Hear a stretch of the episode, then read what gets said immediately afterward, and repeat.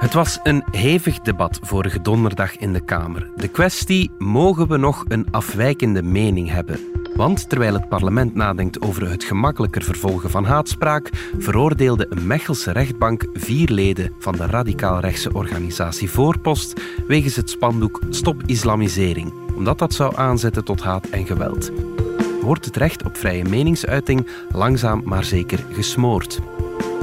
Het is donderdag 3 juni. Ik ben Alexander Lippenveld en dit is vandaag de dagelijkse podcast van de Standaard.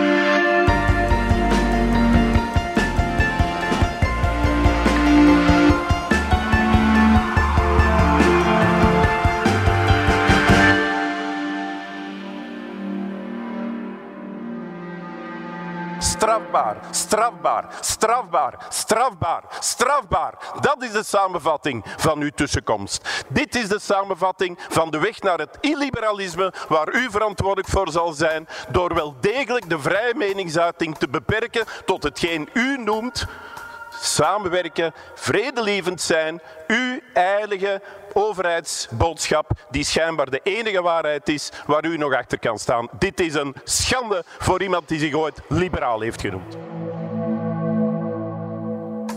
Dat was een erg boze fractieleider van de NVA, Peter de Rover, die vorige week premier De Croo in het gezicht wierp dat hij de vrijheid van meningsuiting wil beknotten. Hoge woorden.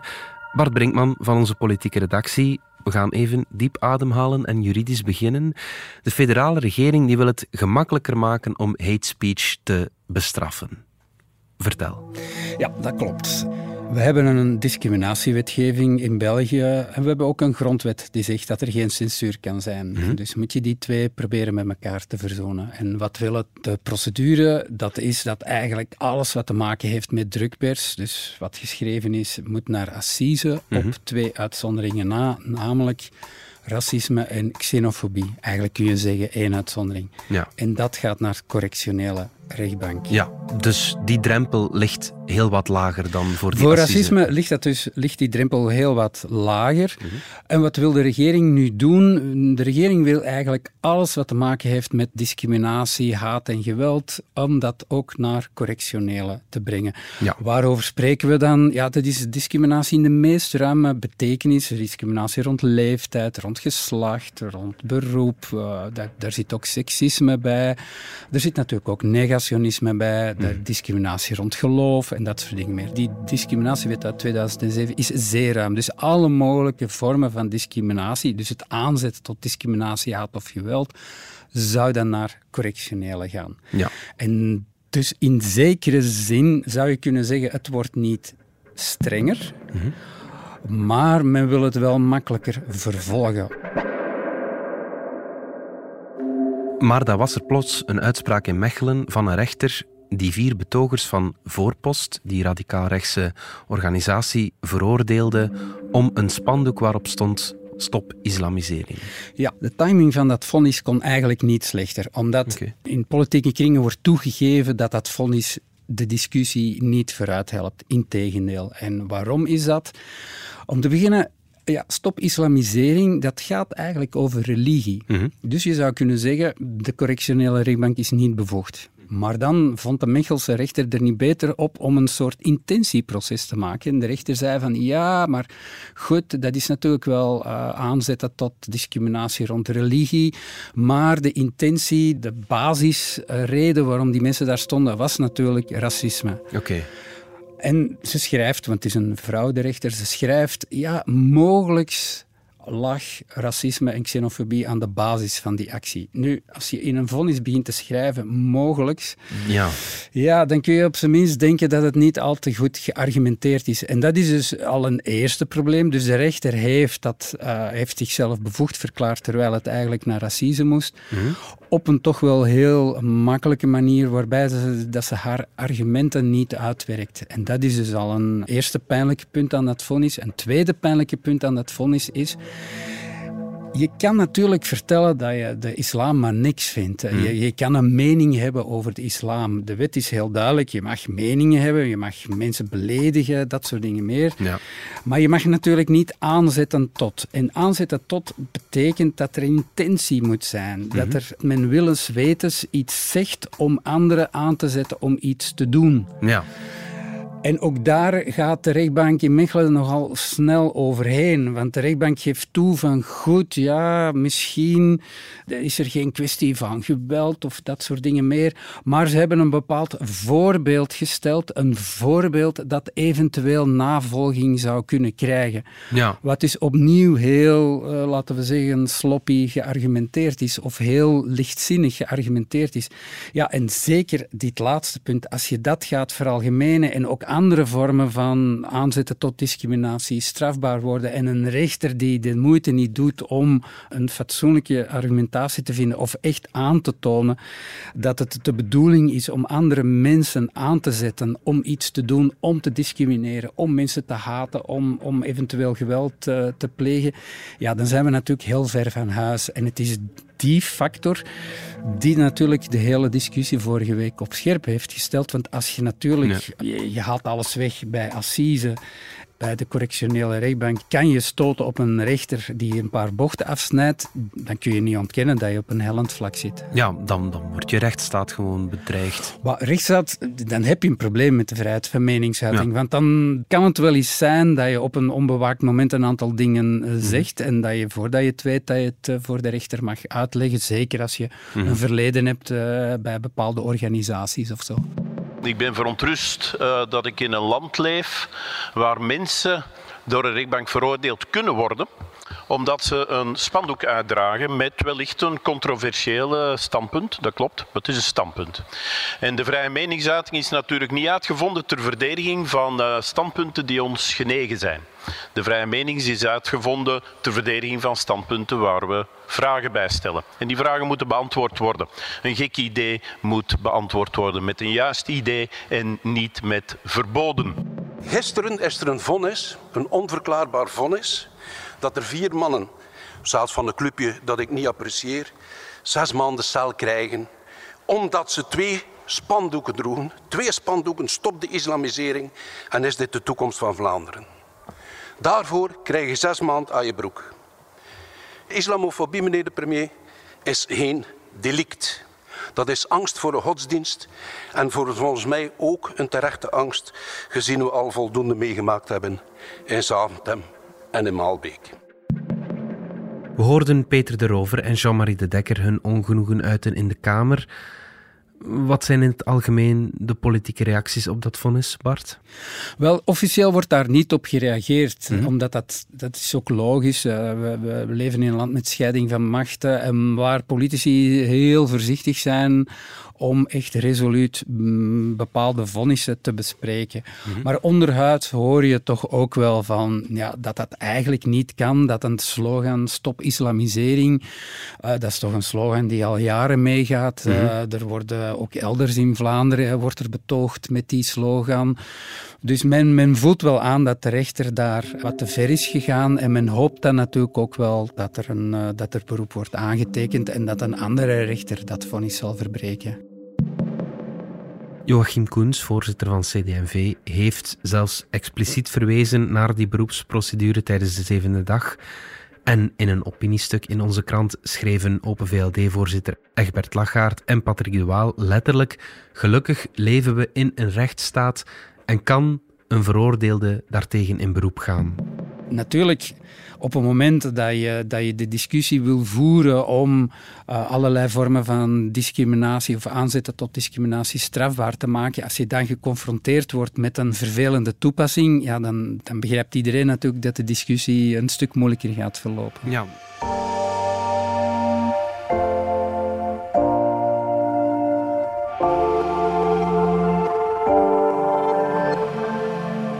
Haatspraak is geen mening.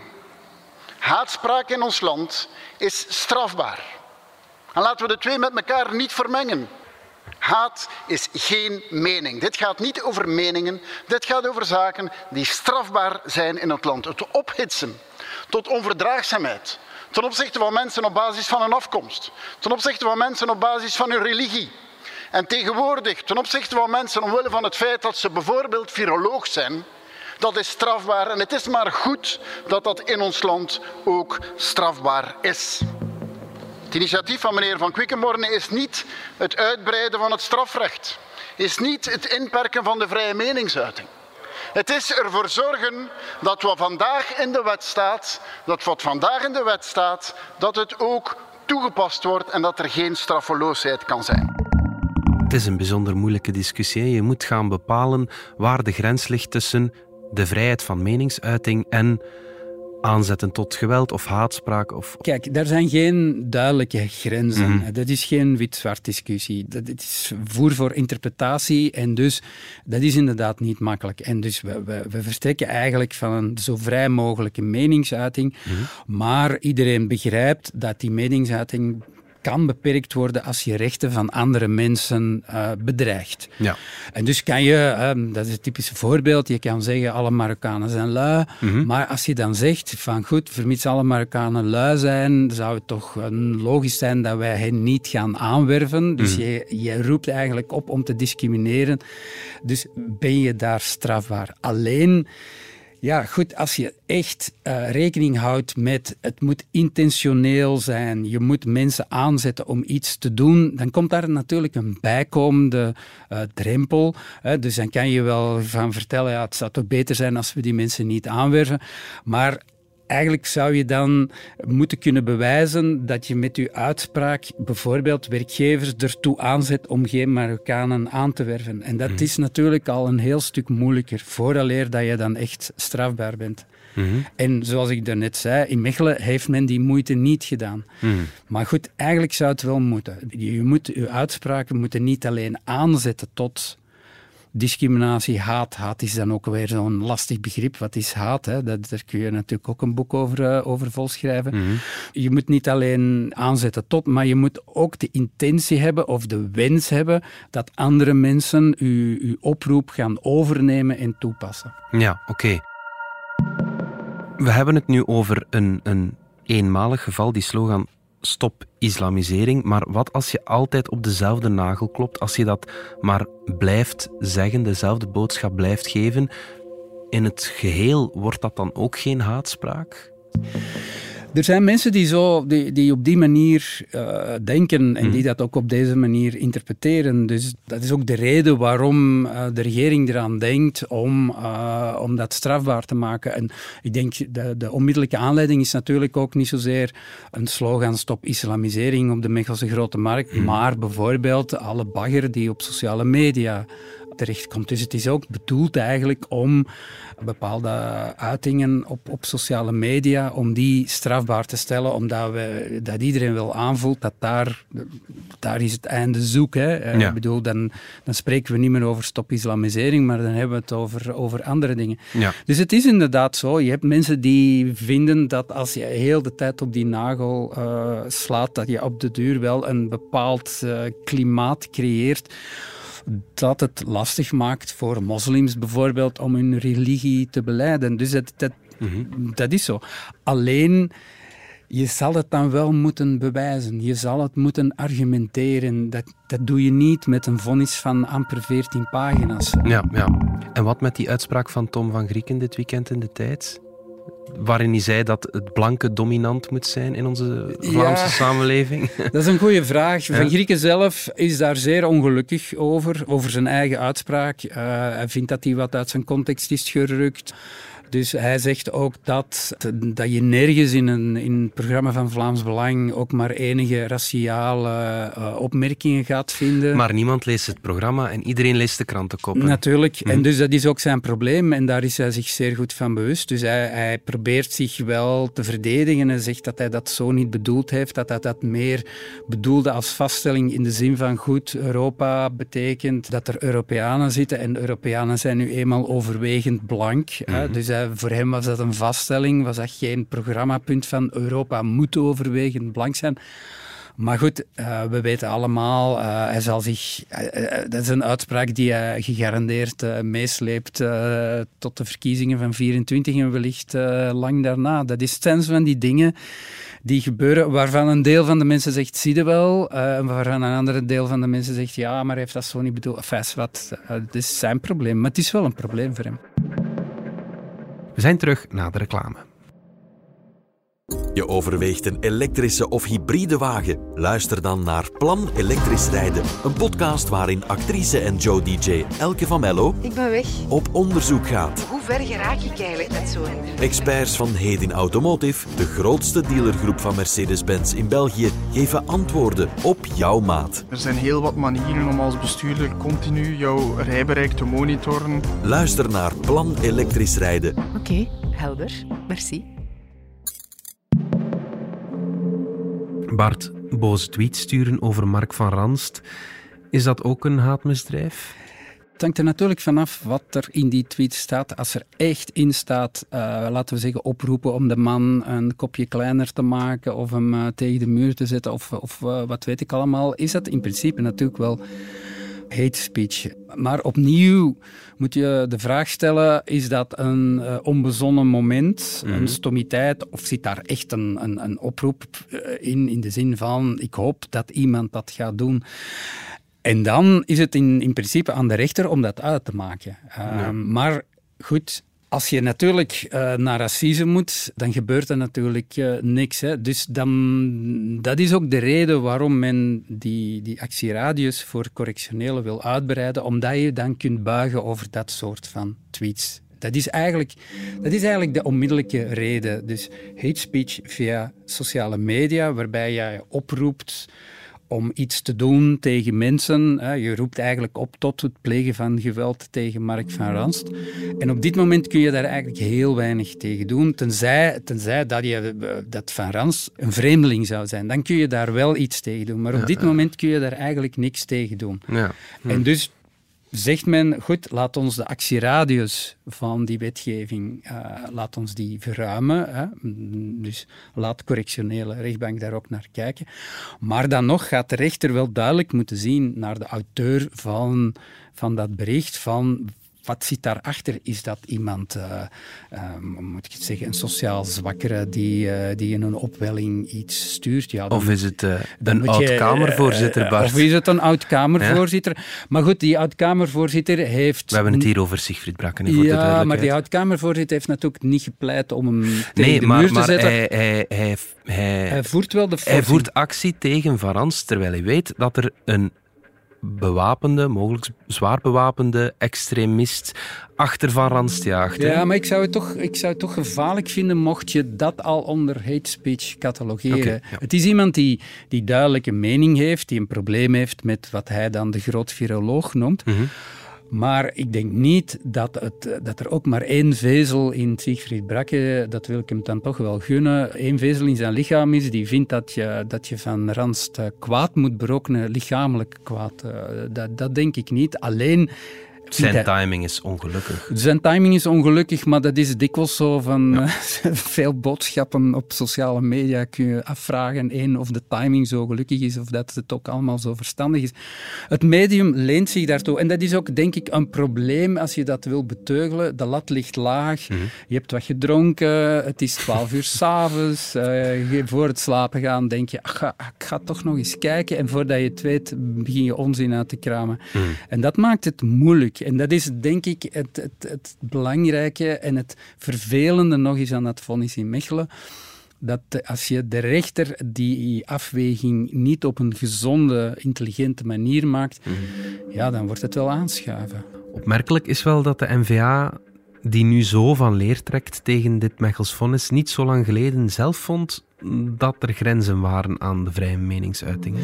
Wel, zo zie je maar dat, er, dat je soms dingen kunt zeggen die blijven achtervolgen. Dat is een beetje het probleem van Peter de Rover in dit verhaal. Hij heeft inderdaad...